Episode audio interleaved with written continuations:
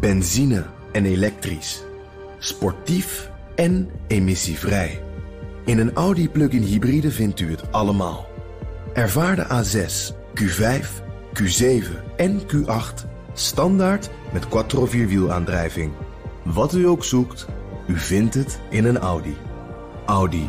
Voorsprong door techniek. Dit is een BNR podcast.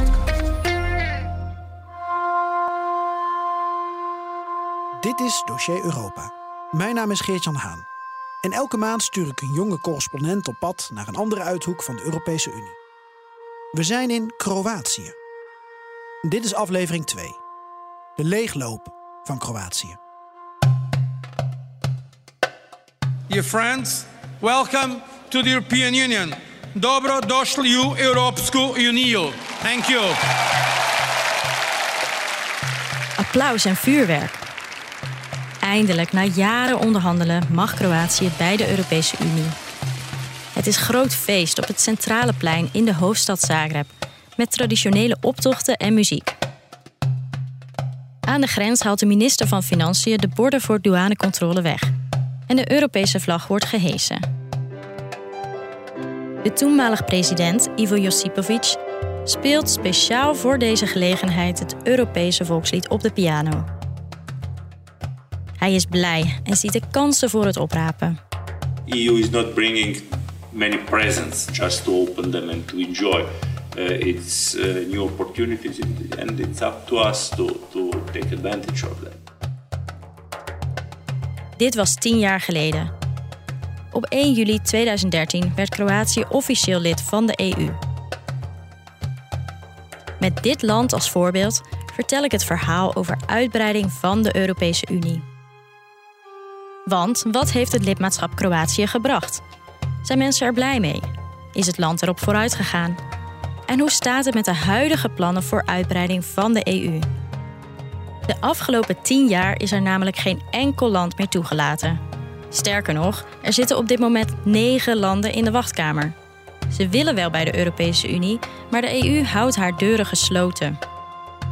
EU-uitbreiding is meer en meer een politiek spel geworden, waarin individuele belangen boven de belangen van het collectief lijken te staan.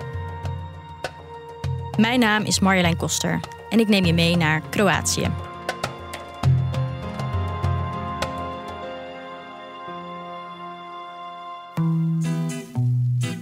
Wat er speelt in een maatschappij kun je vaak terugzien in de kunst en muziek die er gemaakt wordt.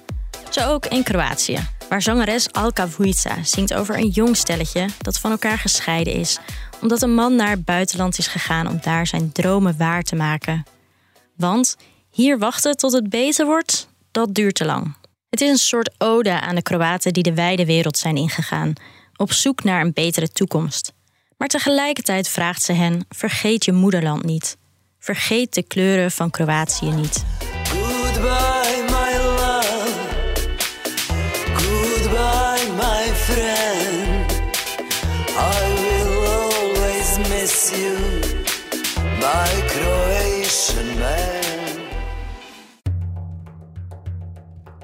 Het lidmaatschap van de Europese Unie heeft Kroatië veel goeds gebracht.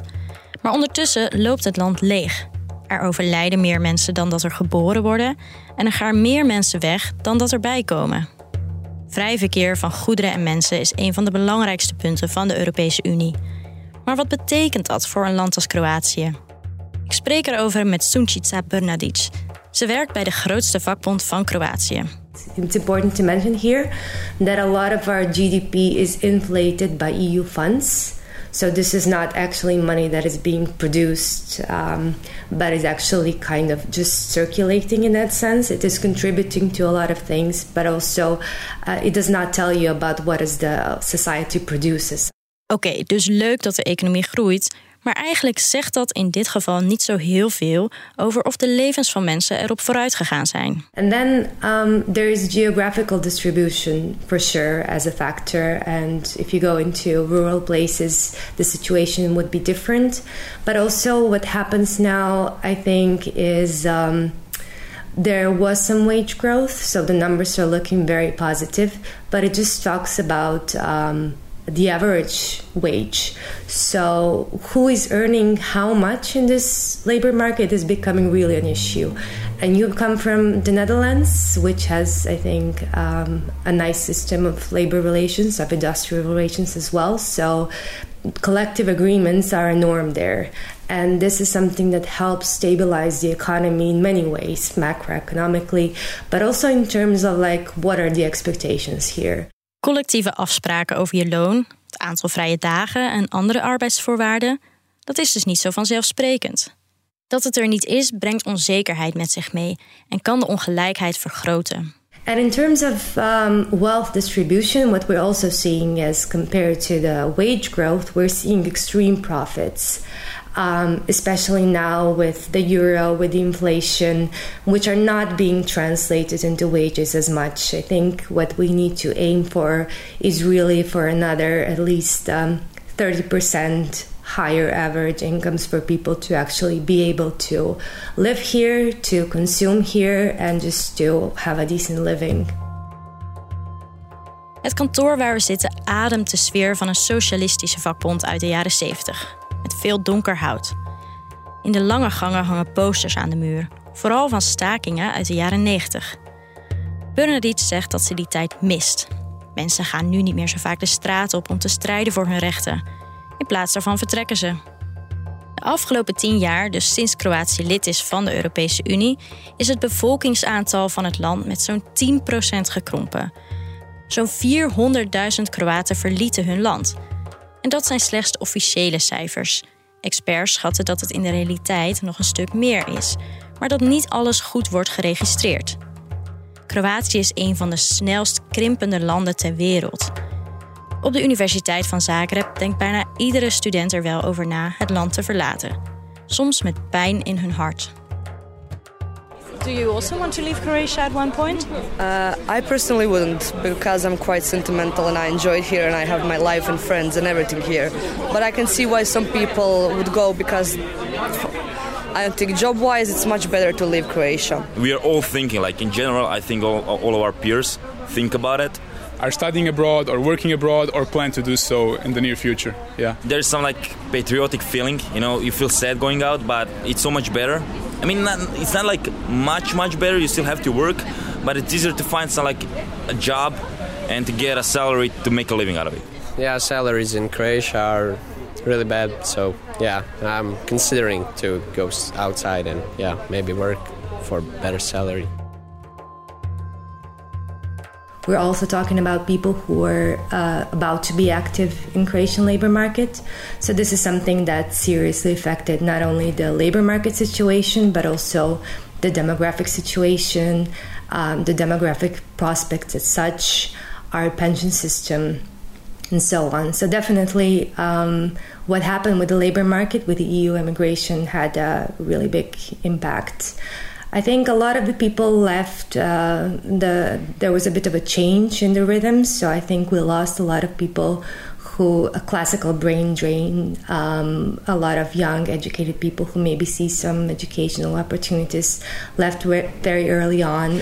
But then from 2015, 16 onwards, we're seeing also a lot of um, middle class or lower middle class families leaving and these are the people who actually are essential to the creation economy. We're talking about people of the profile of lorry drivers, logistics, um, um, different kinds of services, so tourism industry, uh, commercial sector, and so on. And these are the people who literally transfer to three times better wages across the border, literally. Als je de lijst van landen bekijkt waar de bevolking het meest afneemt, dan valt op dat het of landen in oorlog zijn of landen in Oost-Europa. Het is dus niet alleen iets waar Kroatië mee zit. Het speelt breder in de hele Europese Unie. Volgens econoom Tomislav Globan, die je in de vorige aflevering ook al even hoorde, kan het tij gekeerd worden. Tenminste, als je de economische situatie verbetert. En wat dat betreft is Kroatië op de goede weg. It's all about economics. Like Croatia in 2013 was the second poorest uh, member of the EU in terms of GDP per capita. And we were around 61% of average EU GDP per capita. Now we're 73%, so it's a 12 percentage points more. And now we are like uh, four countries are behind us. So we have climbed uh, the ranks. Uh, and what the uh, empirical studies uh, show uh, is that when you reach around 80% of EU average in terms of GDP per capita, the incentive for people to leave, to emigrate, um, are much weaker than before because of the challenges. When you emigrate, you don't have like the social um, structure and support, the family, friends, and so on. Jonge, hoogopgeleide mensen zijn oververtegenwoordigd in de groep die Kroatië verlaat. Het ligt voor de hand dat werk de reden is om te vertrekken. Maar 60% van de mensen die weggingen hadden al een baan. Uit onderzoek blijkt dat de sociale en politieke situatie in Kroatië een belangrijke reden is om weg te gaan. I have a feeling that a lot of this is also what research shows a lot of um, people's perception about Croatian labor market is connected to the fact that you have to have connections if you did not work in the private sector, which also had bad working conditions, it was a lot of associations with having political ties, joining the right party, and so on. Mensen willen ergens wonen waar hun carrière niet afhangt van de persoonlijke connecties die je hebt. En natuurlijk speelt je netwerk ook in een land als Nederland een rol. Maar in Kroatië, een land met 4 miljoen inwoners, is die impact een stuk groter. 50% van de jongeren geeft aan weg te willen en onder hen heerst een grote mate van apathie. Ze stemmen niet omdat ze het gevoel hebben dat ze toch weinig kunnen veranderen aan de corruptie in hun land. Bijvoorbeeld binnen de partij HDZ.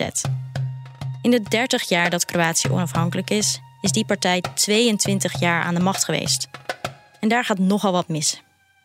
Voormalig premier Ivo Sanader kreeg bijvoorbeeld een gevangenisstraf van 10 jaar opgelegd voor het aannemen van steekpenningen ter waarde van 10 miljoen euro en de lijst van andere hooggeplaatste politici die verdacht worden van corruptie, gearresteerd zijn of waar onderzoeken tegen lopen, wordt regelmatig aangevuld. Corruptie en nepotisme is een groot probleem in Kroatië.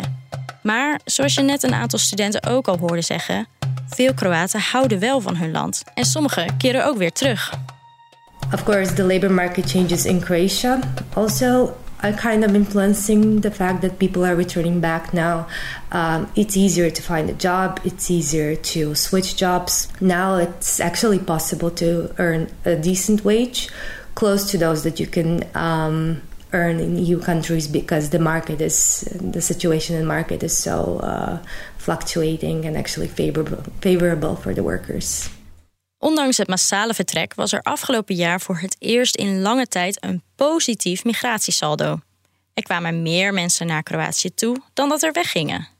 Doordat sommigen inderdaad terugkeren, maar vooral doordat er veel arbeidsmigranten vanuit Azië naar Kroatië gehaald worden. But last year uh, was the first year after a long series of years that we have a, a positive migration balance. Uh, and as you can see, like uh, if you walked around the cities of Zagreb 10 years ago, and when you walk on the cities of Zagreb now, you see much more diversity in terms of race, ethnicity, and so on. So the majority of these, uh, uh because of the shortage of labor, uh, especially in these services, uh, there's a lot of incoming immigrants, and mostly they are from Asia. so the diversity has increased. Going back to numbers, from a country which in 2013 had a quota system. So we were looking at 2,000 work permits per year for specific um, occupations. We became a country which this year hosts 105,000 foreign workers. Again, we're talking about at least 6% of working population. So the numbers are massive. The numbers of actual permits that have been issued are even larger. I think just in this year we're expecting 200,000 work permits to be issued. Even ter vergelijking. Naar Nederland kwamen er vorig jaar zo'n 30.000 arbeidsmigranten. Terwijl onze bevolking zo'n 4,5 keer groter is. 200.000 werkvergunningen voor een land van nog geen 4 miljoen mensen, dat is dus enorm. Veel Aziatische arbeidsmigranten die naar Kroatië komen, werken in de bouw of als bezorger, bijvoorbeeld van maaltijden voor Glovo of Volt. Zeg maar de Kroatische variant van thuisbezorgd. Op het centrale plein van Zagreb is het een komen en gaan van Indiaanse jonge mannen op de fiets. Als ik het hen vraag, zijn ze over het algemeen tevreden over hun werk, salaris en werkomstandigheden hier. Maar het is moeilijk om te peilen of ze daar wel eerlijk over durven zijn. En ik kan ook maar kort met ze praten, want de app zegt dat ze snel naar een volgend adres moeten, anders daalt hun rating. Ook spreek ik een Nigeriaanse vrouw die in de bediening van een restaurant werkt. Ze woont al 2,5 jaar in Kroatië en wil hier graag blijven. In tegenstelling tot haar werkgever in Nigeria krijgt ze hier meer vrijheid en waardering voor wat ze doet. Ook vertelt ze dat ze weinig te maken heeft met racisme, in tegenstelling tot haar vrienden die in Italië zitten. Maar dat je erop vooruit gaat ten opzichte van hoe het was, betekent natuurlijk nog niet dat de werkomstandigheden ook echt goed zijn. So they really depend, they're tied with a work permit with a single employer. And it really depends whether it's a respectable company which actually produces value in Croatia or maybe it's just someone who started a business literally six months ago and he's building their, uh, their business model on basically exploitation of foreign foreign workforce. And statistically, the effect here is that because the migrants are coming into these labor intensive industries with um, poor working conditions like construction and tourism hospitality, I think we're also seeing a lot of, a lot of polarization that we weren't expecting to see. And this is something that I don't think it's good for any society, especially if it happens so rapidly. How will Croatian society cope with that? It, the numbers are still not that high, so that we so that we like can feel it like on a regular basis. Uh, but we will see uh, because it's a challenge. Het doet me denken aan het beleid van arbeidsmigratie van Nederland in de jaren 60 en 70. Toen er geworven werd in onder andere Turkije en Marokko. Het idee was dat deze mensen tijdelijk in Nederland zouden werken, om het tekort aan arbeid op te vullen. De arbeidsomstandigheden waren slecht en er was geen integratiebeleid.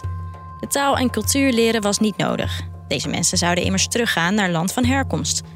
Tenminste, dat was het plan. Maar het liep anders. Je zou denken dat een land als Kroatië hiervan heeft kunnen leren en het anders zou aanpakken. Maar ook nu is er geen integratiebeleid. Have we really reduced to like a territory where there are some employers and we just provide them with workforce. And what does it mean for the citizens as well? We're talking really about basic services about buying bread. I'm not saying of course i don't want to I don't think the solution is that um, you know we should be angry at these people because they don't they don't have the time to learn the language and this is not the point. But the fact that we have absolutely no integration policy with this number of migrant workers who came in the last two years is, I think, at, uh, at least worrisome, if not very sad. Kroatië doet ook van alles om mensen terug te halen. Zo is er een programma waarbij terugkeerders 25.000 euro krijgen om een bedrijf te starten. Maar slechts een enkeling maakt hier gebruik van. En sinds kort heeft Kroatië het Digital Nomad Visum. Want als je online werkt, kun je overal werken. Dus waarom niet in het prachtige Kroatië? En de initiatiefnemer hiervan is de Nederlandse ondernemer Jan de Jong. Hij woont al sinds 2006 in Kroatië, samen met zijn Kroatische vrouw en hun gezin van vier kinderen. Tijdens corona doet de Jong mee aan een digitaal panel over toerisme. Vrijwel de hele wereld zat in lockdown. De grenzen zaten dicht en reizen was bijna onmogelijk. Toerisme draagt voor ongeveer 20% bij aan de economie van Kroatië. Het land werd er op dat moment mee geconfronteerd dat die inkomsten uit toerisme ook zomaar kunnen wegvallen. Dus wat kan Kroatië doen om minder afhankelijk te worden van toerisme? En hoe kan het land ook buiten het hoogseizoen bezoekers blijven aantrekken?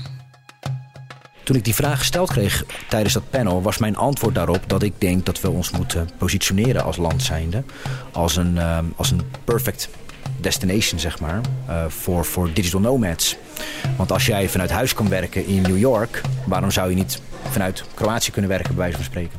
De Jong richtte zich in een open brief aan de premier van Kroatië. Iets meer dan een maand later werd hij uitgenodigd voor een gesprek. En de premier vond het wel een goed idee, die digital nomads.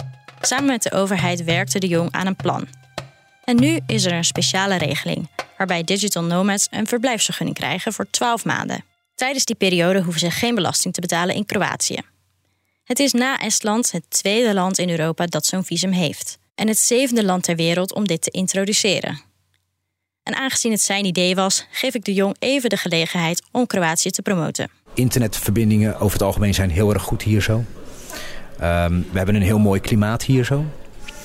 We hebben hele goede connecties met de rest van Europa. Binnen, binnen een uur of twee zit je eigenlijk overal in Europa vanaf, uh, vanaf Kroatië. Het is, het is goed te veroorloven voor, voor West-Europese standaarden. Dus het is, het is niet te duur om hier te wonen. Dus als jij gewoon een goed inkomen hebt qua, ja, van, op, op basis van western standards, zeg maar, of Amerikaanse standaarden, dan, uh, dan heb je gewoon een heel goed leven hier zo. Het Digital Nomad Visa trekt niet alleen mensen die in Kroatië geld komen uitgeven. Het zorgt er ook voor dat het bezoek van buitenlanders iets meer verspreid is over het jaar. Dan praat je over een, uh, over een, uh, ongeveer een, een 100 miljoen euro, wat hier per jaar al binnengehaald wordt uh, door digital nomads die dus eigenlijk in Kroatië hun salaris uitgeven. Tuurlijk heb je gedurende de zomer ligt het boven het gemiddelde, het aantal digital nomads wat hier naartoe komt. Maar dat je, dat je ze ook in, in, september, oktober, november, december, januari, februari, maart, dat je ze dan ook hebt. Ja, dat is wel, uh, wel fantastisch natuurlijk voor de economie. En dat nummer blijft, dat, dat, dat, die aantallen gaan alleen maar blijven groeien, denk ik. Zeker met alle positieve feedback die we nog steeds krijgen. Want, stel je voor, het is begin november en aan de Adriatische kust met haar helderblauwe zee is het nog warm genoeg om zonder jas op het terras te zitten. Een paar uur per dag zit je achter je laptop. Maar in de overige tijd kun je jezelf vergapen aan de mediterrane straatjes, oude stadsmuren, het heerlijke eten en de prachtige bergen. De Amerikaanse Max is zo'n digital nomad die duizenden kilometers van huis werkt. Hij verkiest de kustplaats Split boven het Silicon Valley waar hij eerst woonde. In California, especially Silicon Valley, people live to work. And work comes almost the highest prior priority in the many of the especially in the engineering field. If you like that kind of life for possibly more income, I can understand that, but uh, it's uh, it's not as uh, social. It's not as uh, fun as it you can be in many European places. Max koos voor Kroatië vanwege de goede reacties die hij online las over het land. En vanwege de mooie foto's van de zee. Maar er is nog iets anders: de gastvrijheid van de mensen. I think the most notable thing for me is the people. When you get to know them a little deeper, they're very hospitable people. They, you know, to the extent that you're speechless to, in the sense of uh, expressing gratitude for what they do. Het klinkt allemaal ideaal. Dat je kan werken waar je wil. Maar er zitten natuurlijk ook wel wat haken en ogen aan. Zo heeft lang niet iedereen een baan waarbij je op afstand kan werken. En heeft Max te maken met tijdsverschil met de werkgever in de VS. En sommige Kroaten hebben het idee dat de rijke digital nomads de huizenprijzen opdrijven. Terwijl ze dus geen belasting betalen in Kroatië. Het is nog te vroeg om te zeggen of dat echt zo is. Maar het is wel duidelijk dat het Digital Nomad Visum kansen biedt om nieuwe mensen aan te trekken voor het leeglopende Kroatië. Ook de Nederlandse Arjun is neergestreken in Kroatië, in de hoofdstad Zagreb. En ook hij werkt op afstand. Ik ben naar Kroatië gekomen, meer is voor de liefde. En daarna uiteindelijk ben ik blijven hangen door alle moois wat hier ook te vinden is. Uh, ik werk remote voor een, een, Nederlandse online casino. En dan moet je eerlijk toegeven, ik ken Kroatië natuurlijk niet, nog niet heel goed op dat moment. Maar het, land heeft gewoon heel veel te bieden. Wat ik ook heel erg zag is dat er nog heel veel mogelijkheden liggen in Kroatië. Vooral omdat andere landen natuurlijk al een stuk verder ontwikkeld zijn. Uh, en, en, en Kroatië natuurlijk in een bepaalde progressie. Dus je zou eventueel bijvoorbeeld uh, ja, business-wise nog heel veel dingen kunnen doen hier die er nog niet is. Tijdens corona dachten we met z'n allen dat online werken de nieuwe standaard zou worden. En dat zou betekenen dat een leven als digital nomad voor steeds meer mensen mogelijk zou zijn. Is het de toekomst of zitten er toch ook nadelen aan? Ik denk dat de flexibiliteit die uh, remote werken met zich meebrengt, dat het gewoon ideaal is. Wat ik wel eerlijk moet toegeven is, ik was heel erg uh, enthousiast over het verleden remote werken. En ik wil eerlijk toegeven dat ik op een gegeven moment realiseerde dat we kantoor zijn en met collega's praten uh, en de, heel, de hele environment, dat ik wel echt gemist heb. Kroatië als verborgen paradijs voor buitenlanders. Tenminste, als je de corruptie en bureaucratie even wegdenkt. Maar het leven in luxe jachten staat in schreeuw contrast met het leven van al die mensen die het land verlaten. Het reizen van en naar Kroatië is door het lidmaatschap van de EU en Schengen een stuk makkelijker geworden. En dat heeft zowel zijn voor- als zijn nadelen. Het is maar net aan wie het vraagt.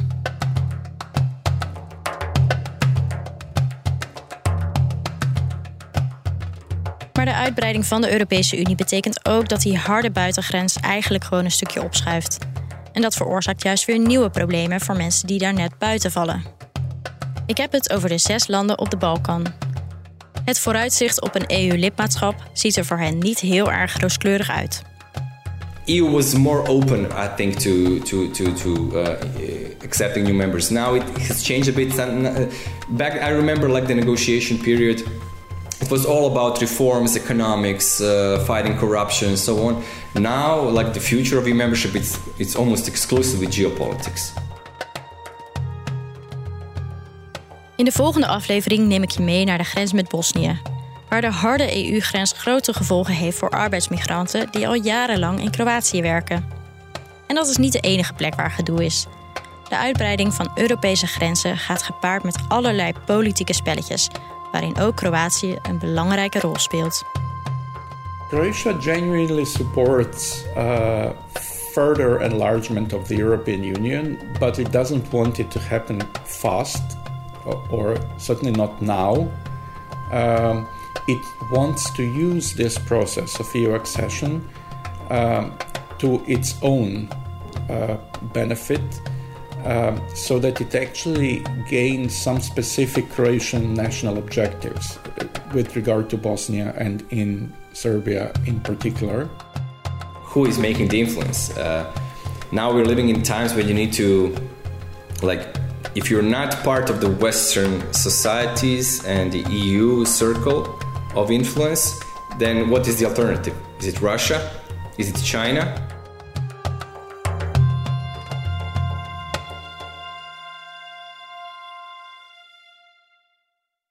Vond je deze aflevering leuk? Abonneer je dan op Dossier Europa en mis niets. Benzine en elektrisch. Sportief en emissievrij. In een Audi plug-in hybride vindt u het allemaal.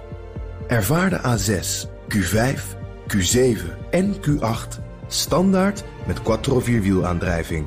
Wat u ook zoekt, u vindt het in een Audi. Audi. Voorsprong door techniek.